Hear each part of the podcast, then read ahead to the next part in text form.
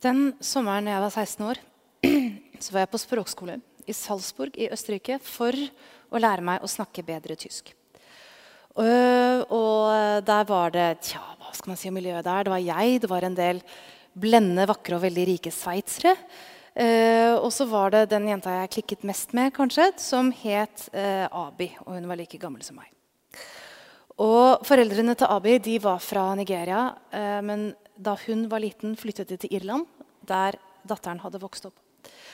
Og Abiy og jeg vi hang sammen absolutt konstant. Eh, noe som antagelig var hovedårsaken til at tysken ikke ble særlig bedre for noen av oss. Eh, men nå, ganske nøyaktig 20 år senere, så er det en side ved det vennskapet jeg tenker litt på. Og det er at til dags dato så aner ikke jeg hvilken religion Abi tilhørte. Eh, når jeg tenker på det nå, så virker det som de årene der var en magisk liten pause i historien. Altså De årene der spørsmål om tilhørighet til et folkeslag eller en religion var fullstendig irrelevant. Det var ikke noe tema vi unngikk. Det bare aldri falt oss aldri inn. Eh, altså Det virke, fremsto ikke som en vesentlig side ved den andre. Det virket som et tilbakelagt stadium. Eh, og jeg tror nok disse tiårene særlig preget den generasjonen som var kanskje fem til ti år eldre enn meg. Altså backpackerne, utenlandsstudentene, de begavede elevene med Erasmus-stipend. Gløgge unge gutter og jenter fløt over grensene og ut i verden. Og de møtte andre gløgge unge gutter og jenter fra mange forskjellige land. Eh, og reagerte med begeistring og optimisme. På et kontinent med en blodig historie full av kriger, giftig nasjonalisme og forfølgelse av minoriteter hildret en åpen og internasjonal fremtid.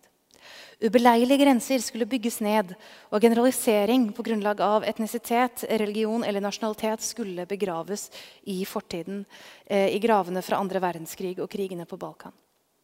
Dette perspektivet skulle være formende for tidens og ettertidens debatter om hvordan et godt samfunn skulle være.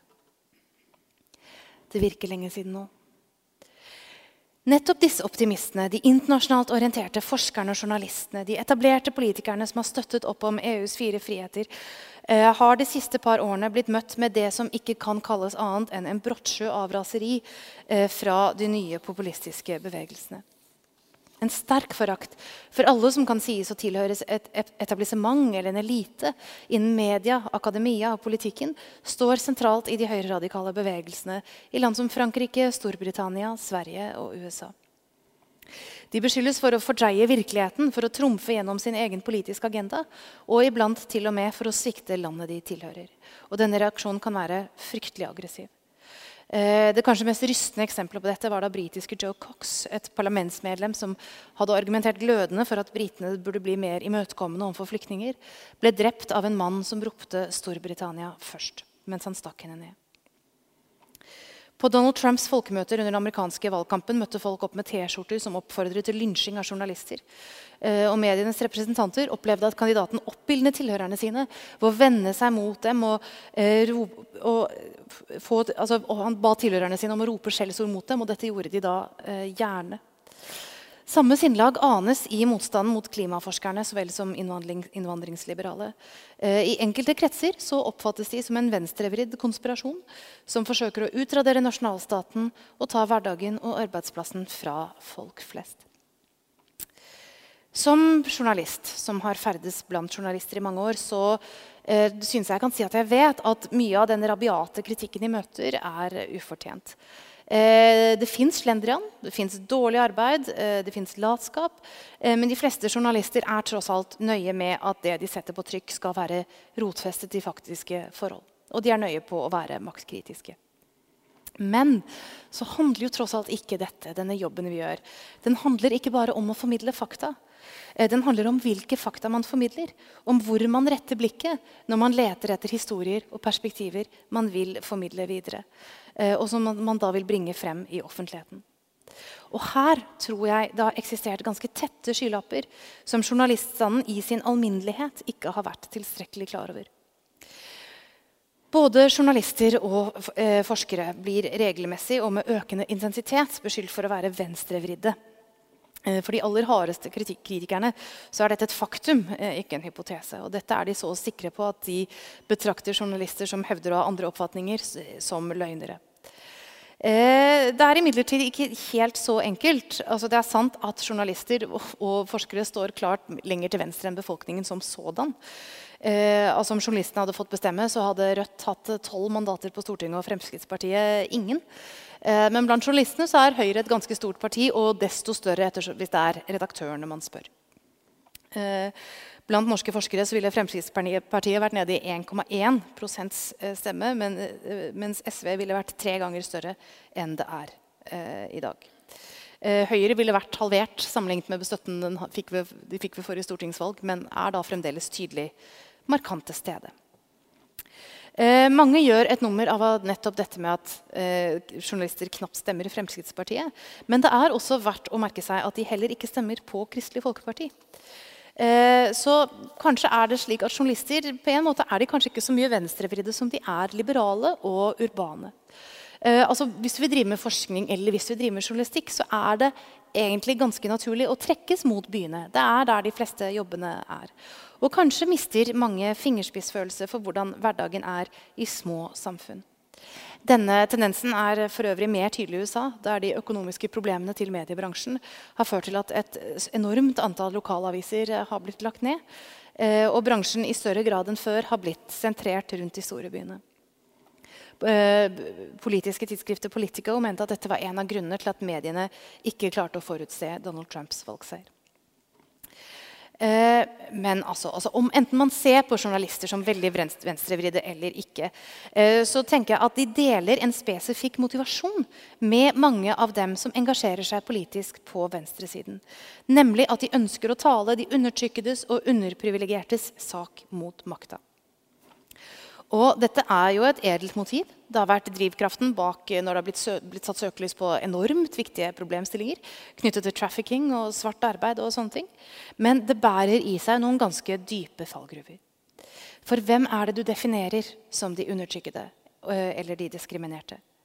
Hvis du er overbevist om at du hjelper en svak og kanskje forfulgt part, hva gjør det med synet ditt på dem du kritiserer? Altså dem du mener er, er, har ansvar for uh, denne forfølgelsen? Hvis du f.eks. tenker at stigmatiseringen av innvandrere er et stort problem i samfunnet, at de som sådan er en utsatt gruppe, så kan det være at du unnlater å ta tak i problemer innad i minoritetsmiljøene. Som uh, utfordringene til minoriteter innenfor minoriteter igjen. F.eks. Uh, homofile, homofile muslimer. Fordi du ikke vil bidra til enda mer stigmatisering og generalisering. Eh, innvandringsdebatten er nok det ordskiftet der disse tendensene trer aller klarest frem. Eh, men det fins andre debatter som har lignende trekk. Hvis du er, for er opptatt av å bedre kvinners stilling i samfunnet, basert på at de historisk sett har blitt eh, holdt tilbake og fremdeles møter problemer som er spesifikke for kvinner, så er det ikke sikkert du syns det er så viktig å påtale det når menn sakker akterut på viktige områder i samfunnet, som de gjør. Hvis du er opptatt av at mennesker ikke skal drive rovdrift på naturen eller utnytte makten de har over dyr, så kan det hende at du har vanskeligere for å identifisere deg med bonden som må opp i lia i dyp snø for å hente oppflerrede lammelik som ulven har tatt. Hvis du har et brennende ønske om å beskytte én gruppe, kan det hende at du tror andre grupper som ikke opplever de samme problemene, har det enklere enn hva som egentlig er tilfellet. Jeg kjenner mange som sier at vi må bli mer empatiske i politikken og i samfunnsdebatten. Men jeg tror nesten alle jeg kjenner som argumenterer på den måten, mener at vi må bli mer empatiske med én bestemt part i en debatt. Eh, tilfeldigvis parten de selv holder med. Eh, og det kan være seg romfolk eller ulver eller kvinnelige samfunnsdebattanter som plutselig blir gjenstand for en pornografisk sketsj på NRK. Og Ofte kan da denne voldsomme empatien for denne parten innebære en ganske hard demonisering av eh, den andre, som ikke er verdt den samme empatien. Da jeg ble bedt om å holde denne prekenen, så var det dette med svovelet var egentlig det jeg var mest usikker på. For jeg er egentlig ikke så forferdelig sinna. Jeg føler egentlig ikke behov for å rake noen over noen glør. Eh, men det slo meg at om jeg skulle ta noen form for oppgjør, så måtte det være nettopp dette. Eh, det sjiktet som nå demoniseres av de populistiske bevegelsene, det sjiktet jeg må innrømme at jeg selv tilhører, bærer selv noe av ansvaret for at jeg har mistet anseelse og tillit. Etter finanskrisen, etter flyktningkrisen, med jevnlige terrorangrep i Europa, så er det ikke rart at betydelige deler av befolkningen som fikk økonomisk frihet og kulturell åpenhet fremstilt som et ubestridelig ideal, føler seg lurt. Det er ikke rart om de føler seg lurt. Det er ikke rart om de tenker at de som insisterte på denne utviklingen, ikke visste hva de snakket om, og ikke hadde kontrollen over konsekvensene. Det er ikke feil når de husker at enkelte dissidenter, f.eks. de som pekte på at møter mellom folkegrupper fra forskjellige kulturer kunne føre til friksjon, at det kunne være dyrt, at det kunne være krevende, at de ble mistenkeliggjort og beskyldt for å spre fordommer eller panikk. Nå, her vi står nå, på våren 2017, så er jo så klart samfunnsdebatten nesten ugjenkjennelig sammenlignet med hva den var for ti år siden. Altså, Den er ugjenkjennelig med hva den var for to år siden. Eh, dette skjedde gradvis, men det var særlig høsten 2015, da flyktningstrømmen til Norge vokste hurtigere enn noen hadde forberedt seg på, at det ble stuerent på en helt annen måte å lufte bekymringer både for trygge grenser, økonomisk bærekraft og kulturell stabilitet i møte med stor innvandring til Norge. Men fremdeles er det slik at de som har blitt overrumplet og forferdet over populismens fremvekst, de kan la være å gå i seg selv hvis de ikke har lyst. De kan i stedet peke på en ideologisk motstander og hevde at det som er skjedd, i stor grad er deres skyld. De som står til venstre, kan peke på de høyrevridde, de økonomiske liberalistene, og si at det er frihandel, deregulering av finansmarkedet og utflaggingen av jobber som har ført til opprøret. De som står lenger til høyre og har et mer verdikonservativt ståsted, kan peke på, ven på venstresiden og mene at de, det er de som ikke forsto eh, kulturelle motsetninger og ønsket om å bevare det bestående. Ingen av dem vil for øvrig ha direkte feil i dette. Men et slikt perspektiv åpner også for at alle kan holde frem slik de stevner. Og akkurat i dag tenkte jeg altså at um, jeg skulle se på det sistnevnte problemet, altså denne blindheten for, uh, for den kulturelle siden av saken, uh, som jeg tenker at en del mediekommentatorer og en del venstreorienterte politikere deler. At de har sterk medfølelse med økonomisk utrygghet, men veldig lite med kulturell utrygghet. Kanskje har det å gjøre med at mange nærer en ofte taus kulturell forakt for det sjiktet av befolkningen de så glødende mener bør få det økonomisk lettere. Jeg skulle ønske at jeg trodde verden var slik jeg trodde den var da jeg var 16. Da tenkte jeg at det å komme tett på andre på tvers av nasjonalitet og bakgrunn det var en åpenbar berikelse for alle. Det var en gnistrende mulighet. Men åpenhet er vanskelig. Det som i stor grad har skjedd etter at globaliseringen og internasjonaliseringen slo verdens porter på vid gap, det er jo ikke at folk i sin alminnelighet har løpt de nye eventyrene i møte med åpne armer. Snarere har de krøllet seg sammen som truede dyr på små tuer. De har søkt seg mot det velkjente. Det blitt trukket mot mindre fellesskap, ikke større. Mot grupper av fortrolige, og mot en fortid som i retrospekt har fått et gyllent skjær av uskyld og fordragelighet. Kongehuset står knallsterkt. Kristne sanger og tradisjoner i skolen forsvares iherdig av mange som neppe er så spesielt interessert i det religiøse innholdet. Man faller inn i klynger av enighet i følelsesladede vi som-grupper på Facebook. Man søker seg kort sagt mot det som virker trygt, oversiktlig, velkjent og håndterlig. Nå er det et vesentlig poeng her at Det offentlige ordskiftet, altså talemåtene og normene som brukes til å diskutere disse utfordringene, ikke er det som i seg selv har skapt den voldsomme uroen som synes å drive så mye av det politiske opprøret i dag. Uh, mye av den er nok rett og slett knyttet til at verden har forandret seg. Den har forandret seg fryktelig fort og kommer til å fortsette å gjøre det. Kommunikasjonsmessig, teknologisk, økonomisk og demografisk. Og på en måte er dette en bevegelse mot en modernitet som i seg selv er i stadig endring, og som startet med den industrielle revolusjon og med paradigmeskiftende moderne tenkning som slo innover den vestlige verden for omtrent 150 år siden. I 1982 kom filosofen Marshall Berman ut med boken 'Everything That Is Solid Melts Into Air', som var hans analyse av hva det ville si å leve et moderne liv.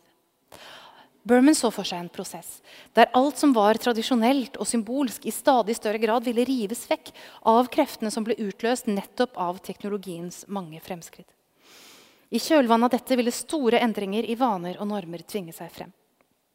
Berman skriver Å være moderne er å befinne oss i et miljø som lover oss eventyr, makt, glede, vekst, forvandling av oss selv og verden, og som samtidig truer med å ødelegge alt vi har, alt vi vet og alt vi er. Sitat slutt. Når alle bevegelser blir større og raskere, og alle avgjørelser og initiativ skjer på et stadig mer overordnet nivå, da er en følelse av maktesløshet en ganske naturlig reaksjon. Enkeltmennesker blir stadig mindre i forhold til prosessene som omgir dem. Eh, dette kan sies å ha begynt med at de måtte gå inn i en fabrikk der maskinene var sterkere enn dem, og i kriger der våpenet kunne drepe enorme mengder av dem av gangen. Det har fortsatt til et stadium av historien der veldige bølger synes å slå innover dem med jevne mellomrom, uten at verken de eller politikerne som er satt til å beskytte dem, eh, klarer å hindre det. Noen hver kan føle seg liten og lengte etter sterkere vern og større handlekraft i møte med de siste årenes kriser, uavhengig av hvilken av dem som har uroet dem mest. Klimakrisen, finanskrisen, flyktningkrisen eller det vedvarende trykket fra terrorismen. Jonathan Haight, som er professor i psykologi ved New York University, han har skrevet mye om dette. I sin bok The Righteous Mind så prøver han å finne ut hvorfor verdidebatter blir så voldsomt fastlåste. Eh, et av poengene hans er at verdivurderingene våre i stor grad er basert på følelser, ikke rasjonalitet. Og at når vi leser politisk litteratur eller setter oss inn i nye saker, så er det sjelden for å utfordre oss selv. Eh, det er for å få bedre argumenter mot de andre. Fordi vi har forskjellige skalaer for hva som er godt og vondt. Og umiddelbart og instinktivt eh, plasserer andre mennesker og det de sier og mener, på disse skalaene, så blir det fryktelig vanskelig å snakke sammen. Eh, I det siste har Haidt snakket stadig mer om den spesifikke situasjonen i dag. Og det han mener har vært en undervurdert kraft i den politiske utviklingen. Nemlig vår medfødte tribalisme eller stammementalitet. Store deler av tiden da menneskeheten utviklet seg frem mot det vi er i dag, så levde vi i små klynger der medlemmene samarbeidet med hverandre og angrep alt som kom utenfra og kunne fremstå som en trussel. Dette er instinkter som henger i. Hate bruker følgende eksempel. Tenk deg at du krangler med broren din. Eh, men hvis fetteren din kom på besøk, så er det kanskje broren din og deg mot ham. Og hvis dere så føres sammen med utenforstående, ja, da er det broren din og fetteren din og deg mot dem. Mange av oss føler til enhver tid lojalitet med den innerste sirkelen. Det betyr at mange må overvinne noe grunnleggende i seg selv for å omfavne et samfunn der det er et stort mangfold av mennesker, og der mange fremstår som om de lever og tenker annerledes enn dem selv. Dette gjelder for øvrig enten du er 22. generasjon i landet du bor i, eller nettopp har tatt steget over grensen. Vi er stammevesener, og ifølge Hate er dette noe som den politiske debatten har tatt altfor liten høyde for. Dette betyr naturligvis ikke at vi er uforanderlige, dømt til å være ukomfortable i alt annet enn små grupper av, eh, av, nære. Men det betyr at mange må kjempe med noe dypt i seg selv hvis de ufrivillig bringes i nærkontakt med det ukjente. Den sommeren da jeg hang sammen med Abi og iblant med disse vakre sveitserne, eh, så tror jeg nok vi tenkte at vi var som alle andre. Kanskje tok vi ikke høyde for at vi også var en stamme. Der og da tenkte jeg ikke i de baner, men når jeg nå ser tilbake på jentene som satt på plenen i en av Salzburgs mange parker, så tenker jeg at vi delte et gemytt, og vi delte en bakgrunn som ikke var så ulik. Vi var utadvendte, nysgjerrige, intense, interessert i språk og kunst og litteratur, og altså dørgende uinteresserte i religion. Om vi hadde blitt spurt, spurt, tror jeg vi ville antatt at alle måtte ha lyst til å gjøre akkurat det vi gjorde oppleve det vi opplevde, sammen med akkurat slike mennesker. Blant de som har tenkt slik, og som har prøvd å trekke verden i retning av mer åpenhet og mer internasjonal kontakt, er det mange som har klødd seg i hodet og skrevet selvransakende tekster det siste året.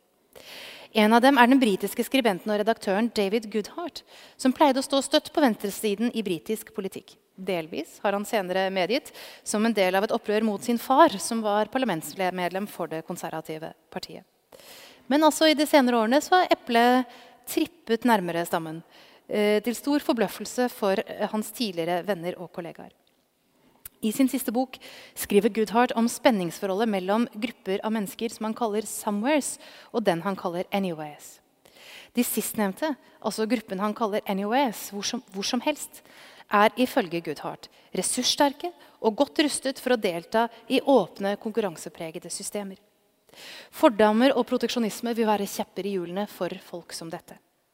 De vil også antagelig se på sin identitet som noe som er nært knyttet til det de har fått til i livet. Til utdannelse og til jobb, snarere de, eh, i motsetning til de som opplever sin identitet som noe mer rotfestet, mer knyttet til kjønn, etnisitet eller hjemsted. Anywheres er folk som vil oppleve at livene deres berikes voldsomt av at verden ligger åpen for dem. At de kan reise ut og bryne seg på nye steder og miljøer og få venner og kontakter i andre land. De som derimot, ifølge Goodhart, kan regnes som somewheres, eller de stedbundne, vil ha mye, mye mindre å vinne på den samme åpenheten.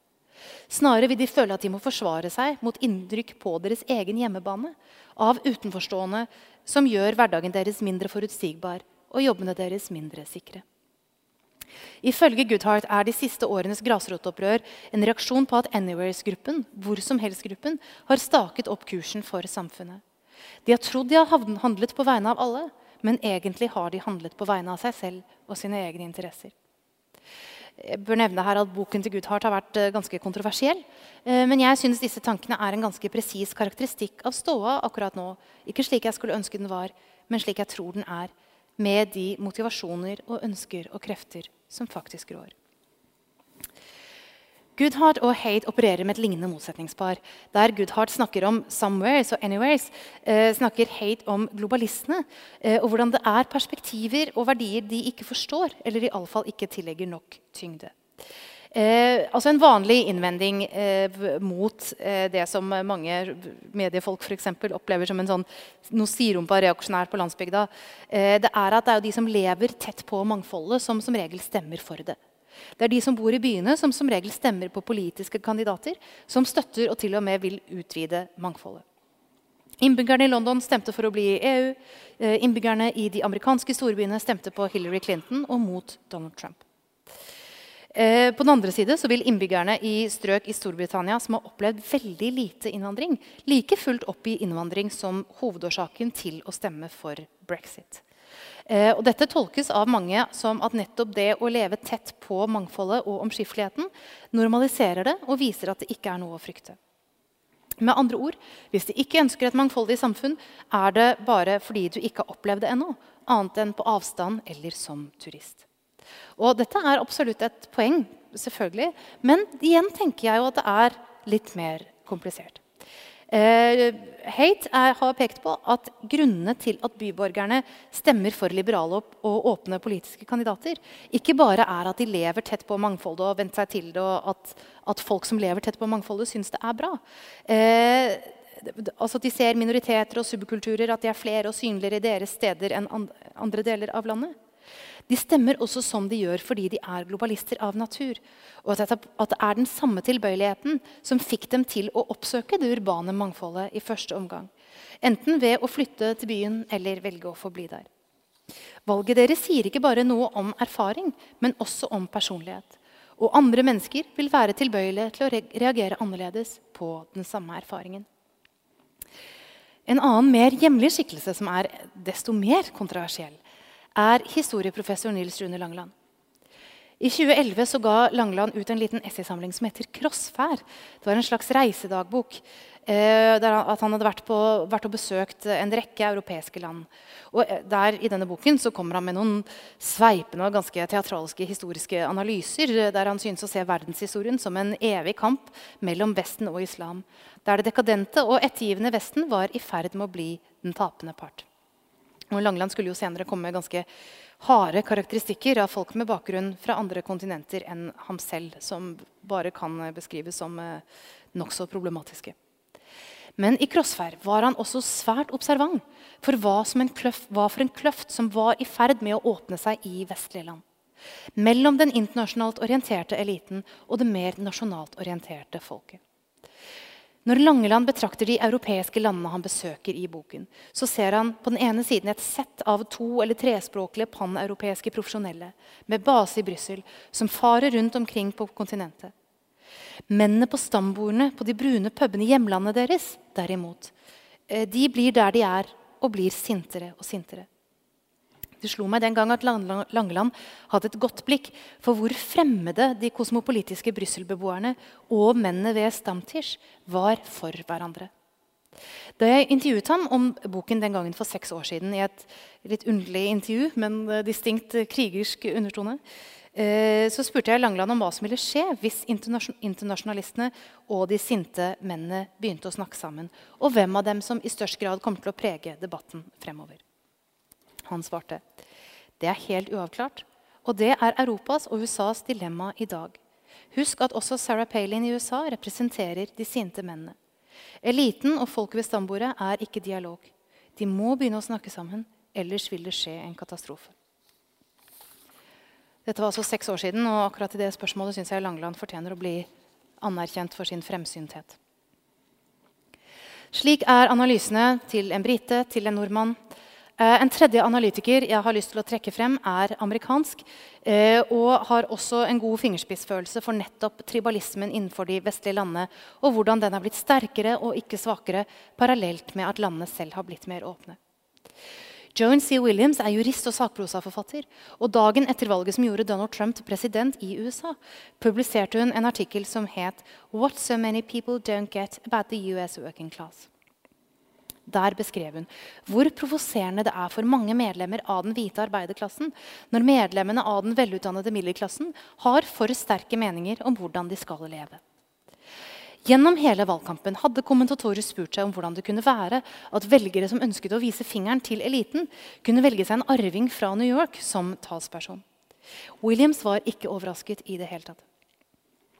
Hun savnet bevissthet om at store deler av den hvite arbeiderklassen i USA som hun sier, forakter de profesjonelle, men beundrer de rike.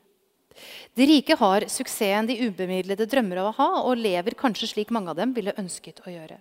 Samtidig har arbeiderklassen liten eller ingen kontakt med landets rikeste. Derimot har de hyppig kontakt med fagfolk og profesjonelle. For de er mellomlederne, lærerne og legene. Dvs. Si, de er de overordnede som vurderer og dømmer arbeiderklassen ut fra et sett av regler de selv ikke mestrer på samme måte. William skriver drømmen er ikke å bli øvre middelklasse. Drømmen er å være i sitt eget hjemlige miljø, bare med mer penger, og helst være uavhengig og eie sitt eget levebrød, slik at ingen kan kommandere dem rundt. Ut fra et slikt ideal er det ikke vanskelig å se for seg at Donald Trump er lettere å identifisere seg med enn Hillary Clinton. Det er heller ikke vanskelig å se synes jeg, at Trumps mange fornærmelige utfall mot kvinner, mot latinamerikanere, eh, mot handikappede osv. ble oppfattet svært forskjellig i forskjellige sjikt. For den urbane middelklassen var det snakk om sjokkerende angrep på svake grupper og en tilsidesetting av alminnelig anstendighet. For andre mange andre, var det en sterk appell nettopp i skamløsheten. For dem var det noe befriende og beundringsverdig i det å nekte å la seg dømme, men valse over enhver grense med en bredbent og brautende machismo som nektet å akseptere noen normer som var etablert av andre enn ham selv. For følelsen av å bli vurdert eller dømt eller belært eller moralisert over er bl.a. den som fyrer opp under dette antielitistiske sinnelaget i så mange land. Jeg tror det er en del av det samme som skjer når konspirasjonsteorier brer om seg, som de også nå gjør.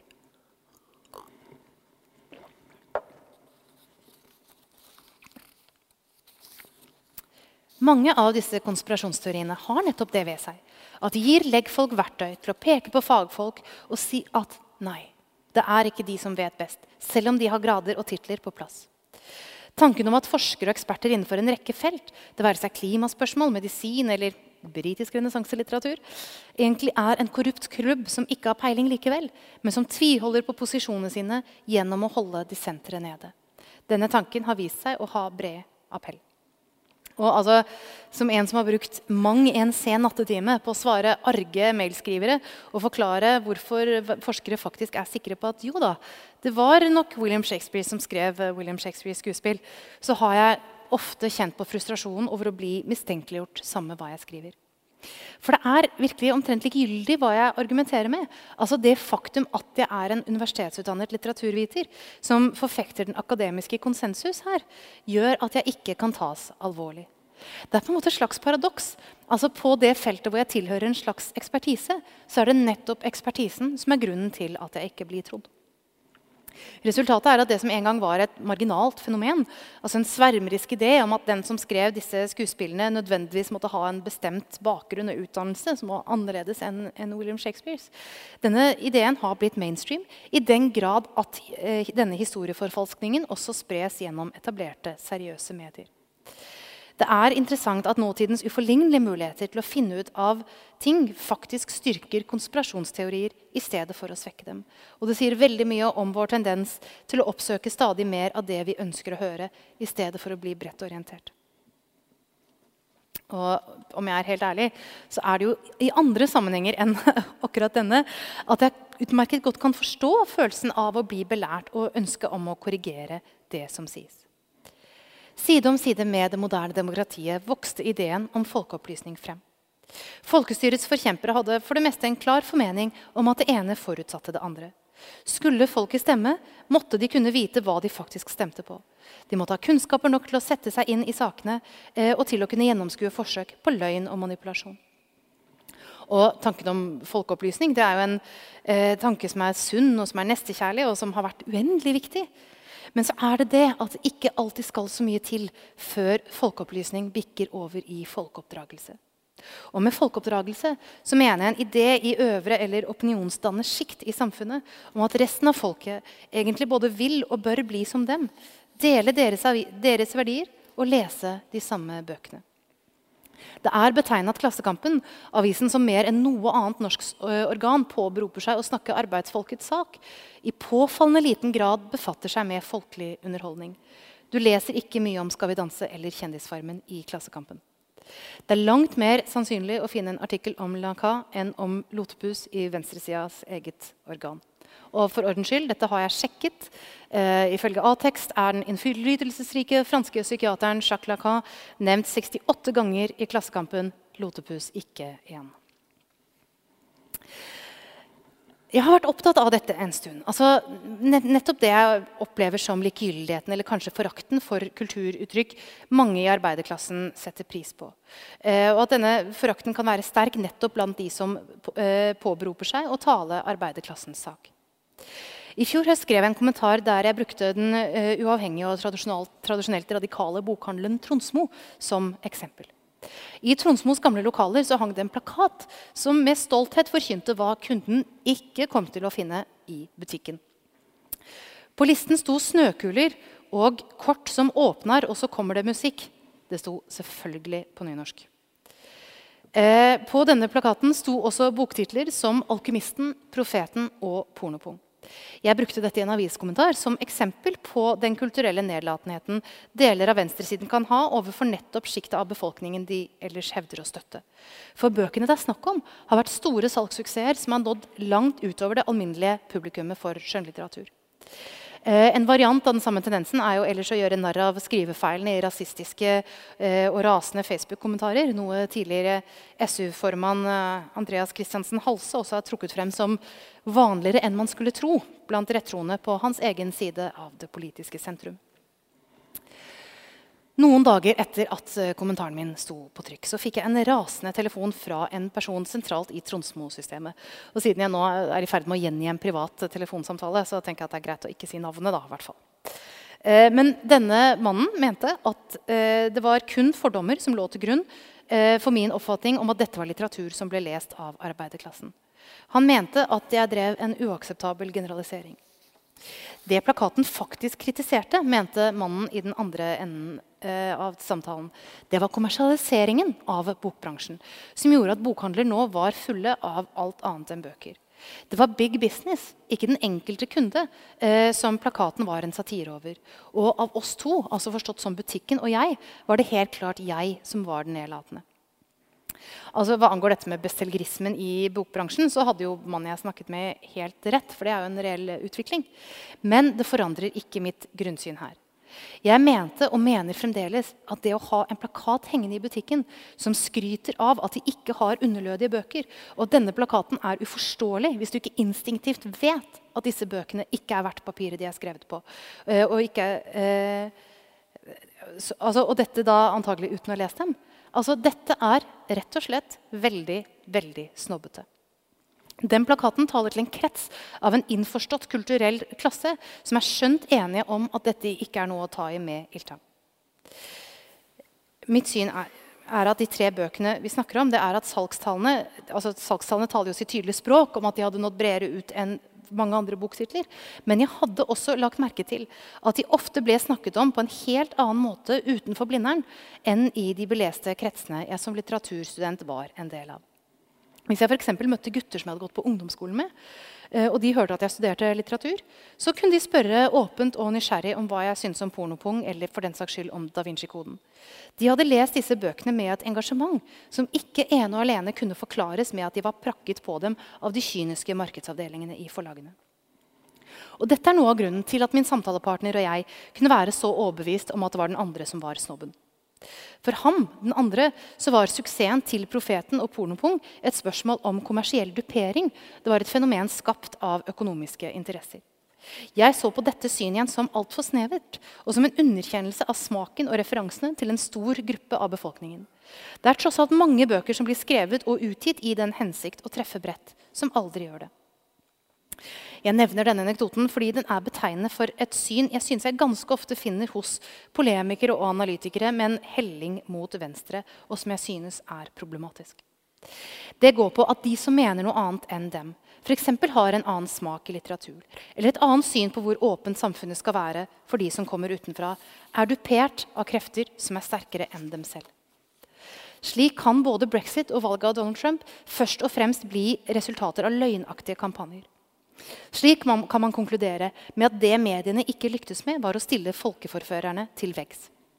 Igjen, Det stemmer åpenbart at overdrivelser og direkte usannheter florerte i de to valgkampene det er snakk om. Selvfølgelig påvirket dette resultatet.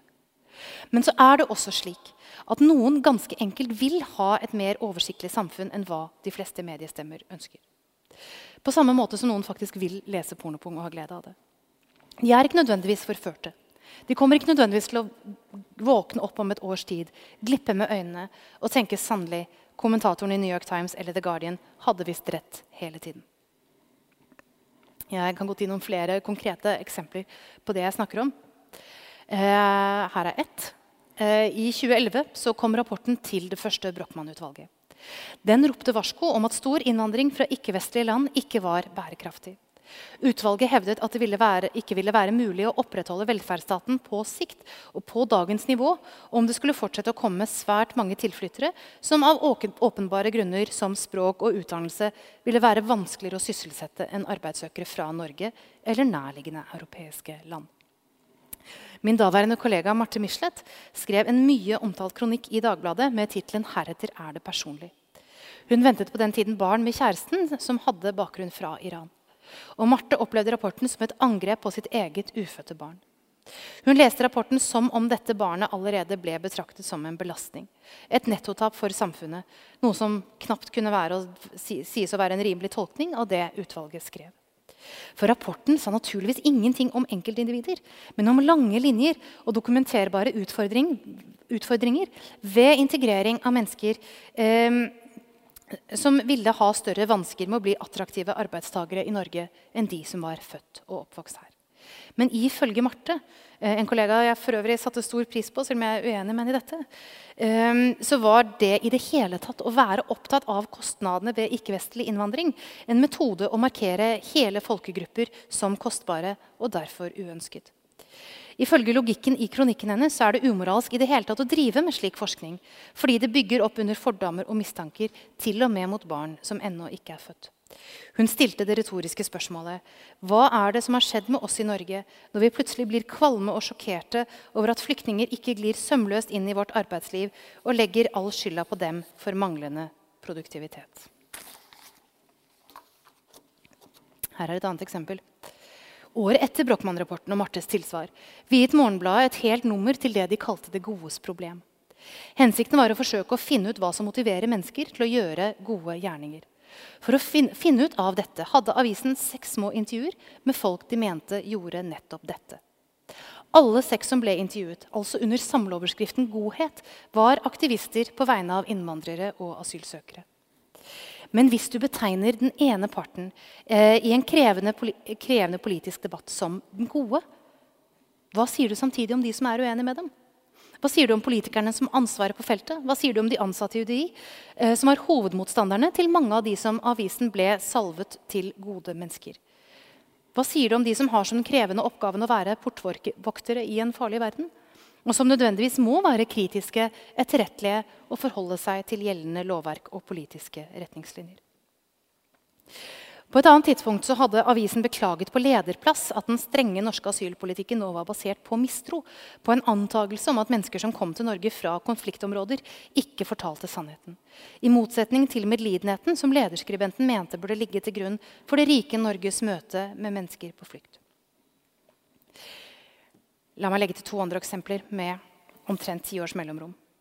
Det ene er karikaturstriden i 2006, der flere skandinaviske aviser, bl.a. Vebjørn Selbjeks kristne avis Magasinet, ble gjenstand for stor oppmerksomhet og alvorlige trusler etter å ha trykket karikaturtegninger av profeten Mohammed. Den gjengse reaksjonen blant norske mediefolk var ikke å stille seg last og brast ved Vebjørn Selbekk og forsvare hans selvfølgelige rett til å trykke også materiale som enkelte grupper kunne finne støtende, men å mane til å ta hensyn til de sårede følelsene til en religiøs minoritet. Det andre eksempelet er forskningsrapporten om tilreisende tiggere av romfolket, som ble publisert av Fafo i 2015 og øyeblikkelig ble et innlegg i den pågående debatten om tigging. I den konkluderte forskerne med at oppfatningen om at det var kriminelle bakmenn bak tiggerne, måtte regnes som en myte. Forskerne hadde gjort intervjuer med omtrent 1200 informanter.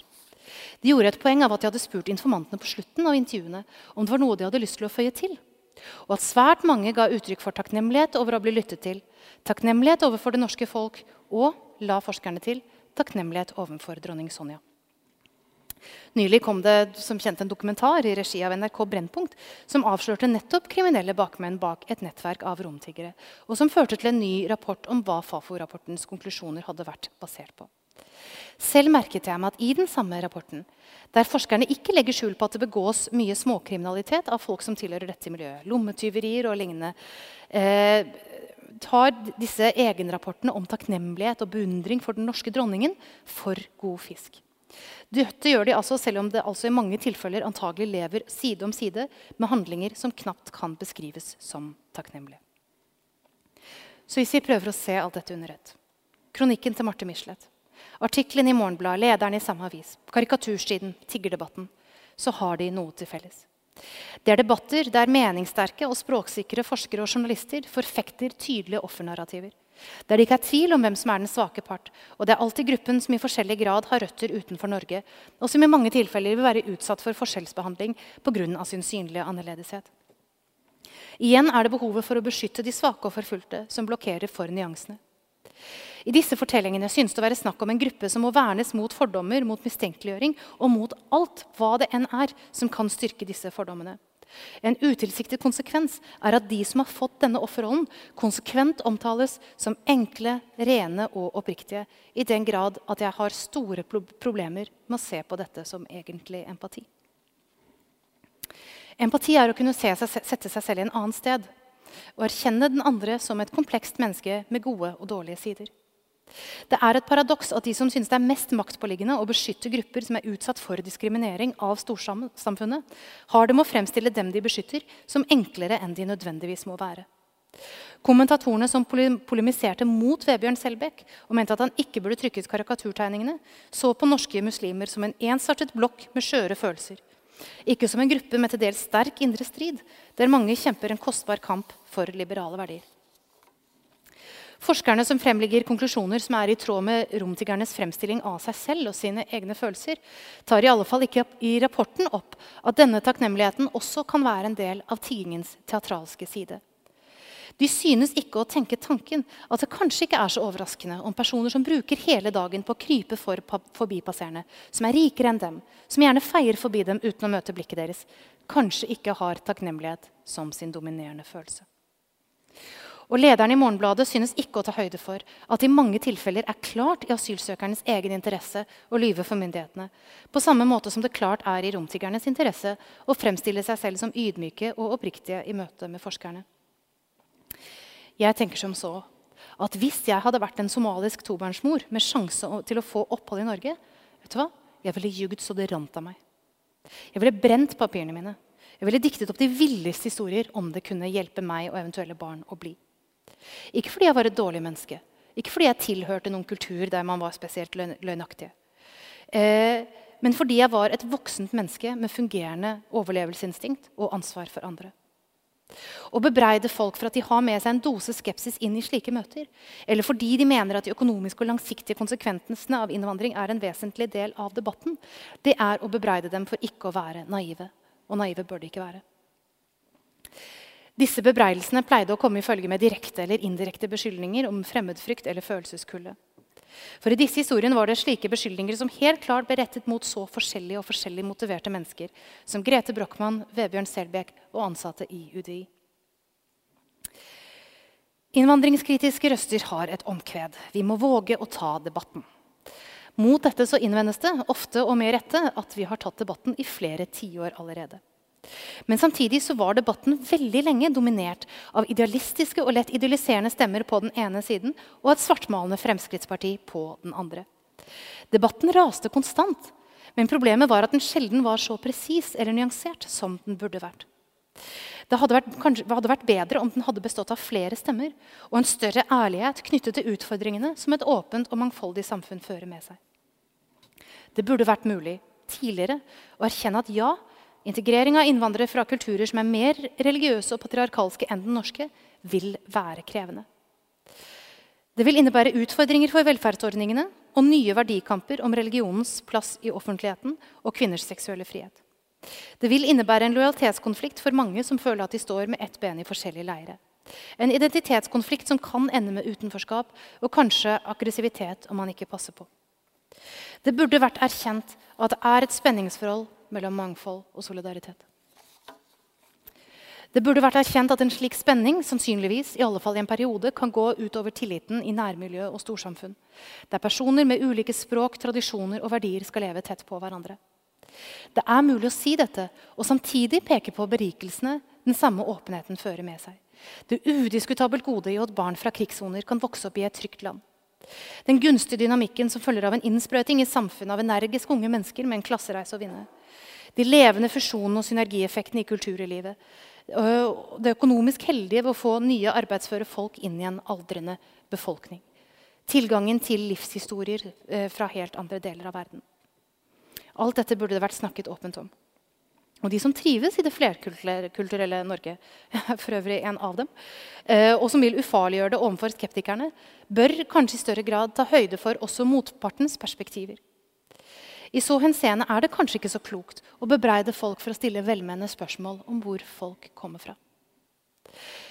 Det er kanskje ikke så klokt å latterliggjøre om å hjelpe, forslaget om å hjelpe flyktningene der de er, i all hovedsak fordi forslaget kom fra Fremskrittspartiet. Dilemmaer knyttet til disse spørsmålene er sjelden enkle. Og det er sjelden bare én løsning som er den moralsk akseptable. Og, og dette syns jeg er viktig, det må være legitimt å ønske seg en annen verden enn den pluralistiske. En som er mindre og mer oversiktlig, preget av stabilitet snarere enn bevegelse. Av felles tradisjoner snarere enn boblende mangfold. For den som oppriktig ønsker seg et slikt samfunn, er de positive fyndordene brukt om globalisering og stor innvandring, at mangfold er bra, at befolkningen trenger ung arbeidskraft, at det lønner seg økonomisk, at det er moralsk riktig, de vil ofte være veike sammenlignet med det som oppleves som de negative konsekvensene av de samme store bølgene.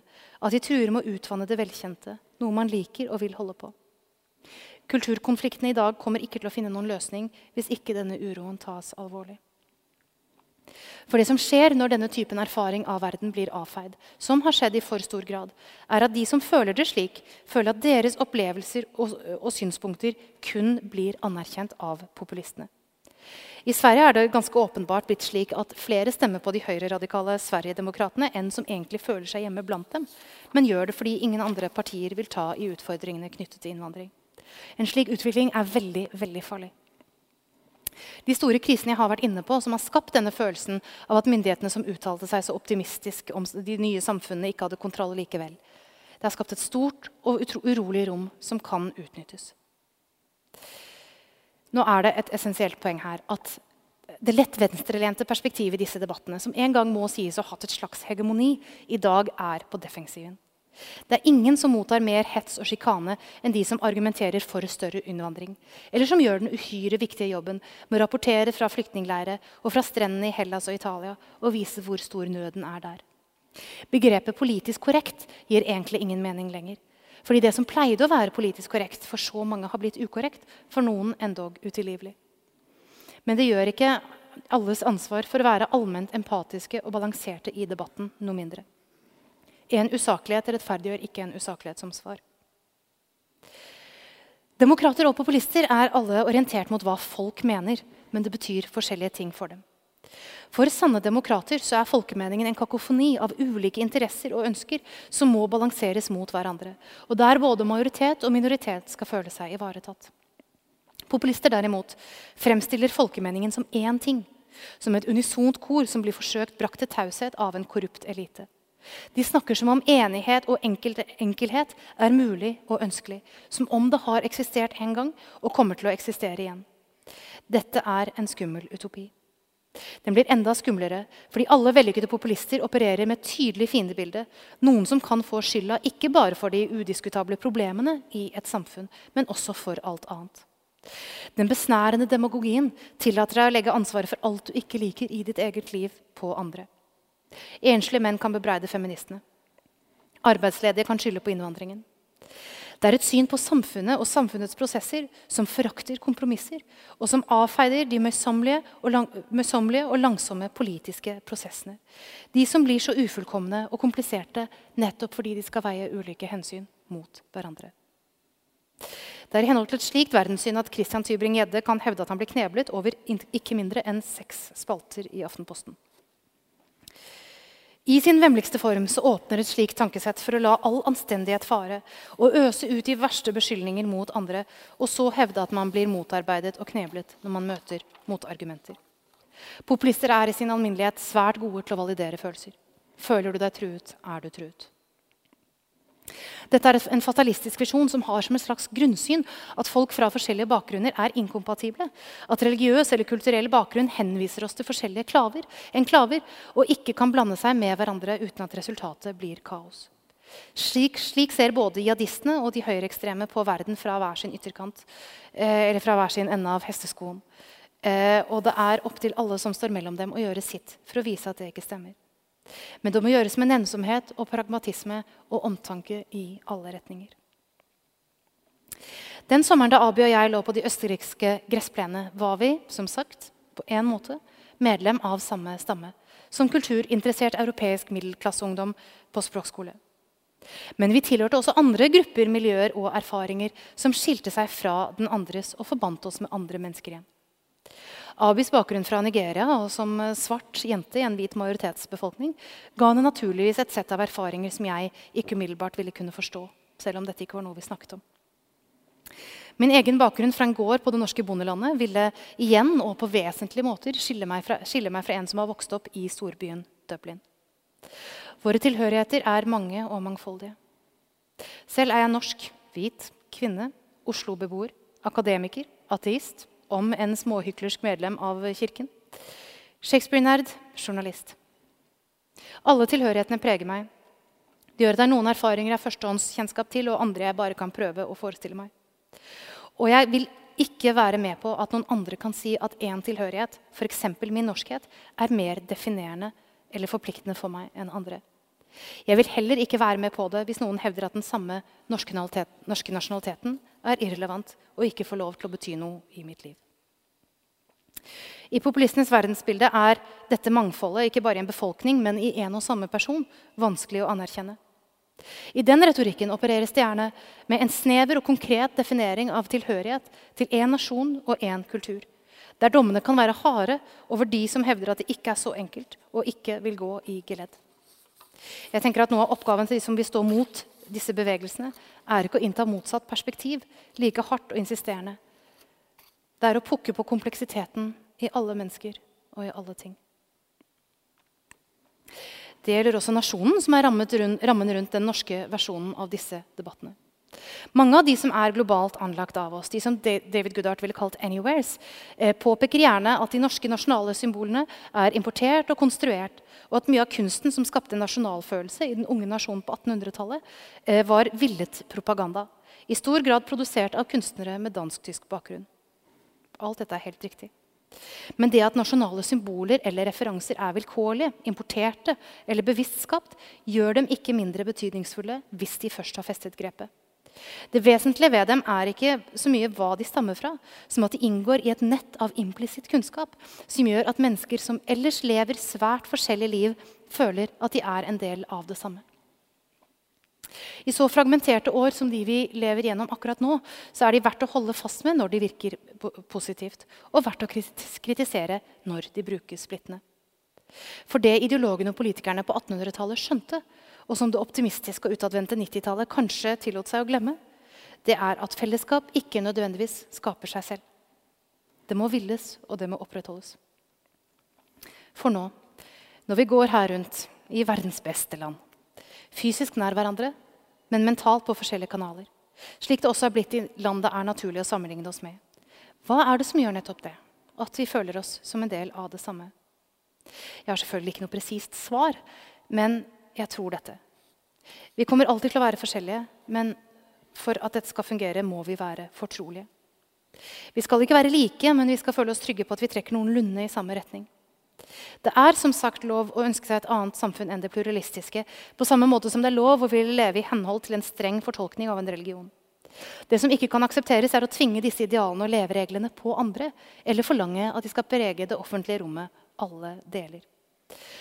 Av den grunn tror jeg ikke det er til å komme fra at forskjellene våre må være forankret i noen vidtfavnende felles liberale verdier, der man verner om andres rett til å leve og tenke som de vil, og ikke tvenger dem innunder sin egen religiøse eller ideologiske paraply.